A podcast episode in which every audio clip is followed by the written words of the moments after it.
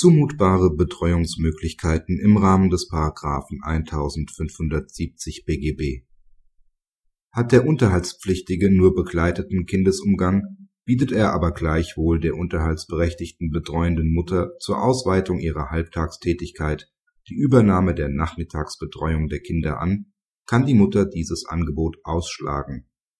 Ihr entstehen hierdurch keine Nachteile für ihren eigenen Unterhaltsanspruch die seit 1995 verheirateten und seit 2005 getrennt lebenden Eheleute haben zwei 1999 und 2000 geborene Töchter. Die Scheidung ist seit Juni 2008 rechtskräftig. Schon seit längerem hat der Ehemann nur in Begleitung der Mutter einmal wöchentlich Umgang mit den Kindern. Die Ehefrau ist wieder halbschichtig erwerbstätig. Das Amtsgericht spricht ihr nachehelichen Unterhalt zu. Der Ehemann geht in Berufung und fordert eine Herabsetzung des Unterhalts sowie dessen zeitliche Befristung mangels ehebedingter Nachteile bis Ende 2012.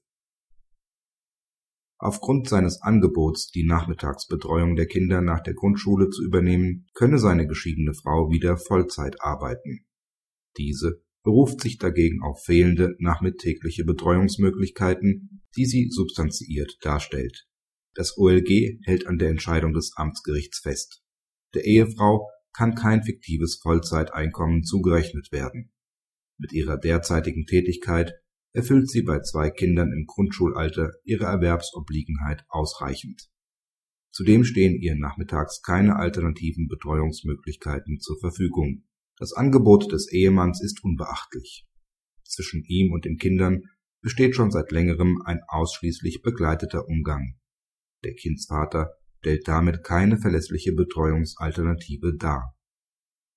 Die Voraussetzungen für eine etwaige spätere Befristung können dementsprechend auch noch nicht hinreichend sicher beurteilt werden.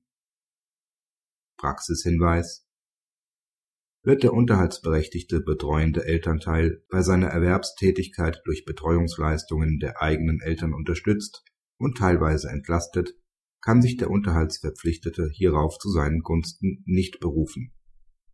Die Unterstützung wird freiwillig und rein aus familiärer Verbundenheit zum eigenen Kind und den Enkeln gewährt und soll nicht der Entlastung des Pflichtigen dienen.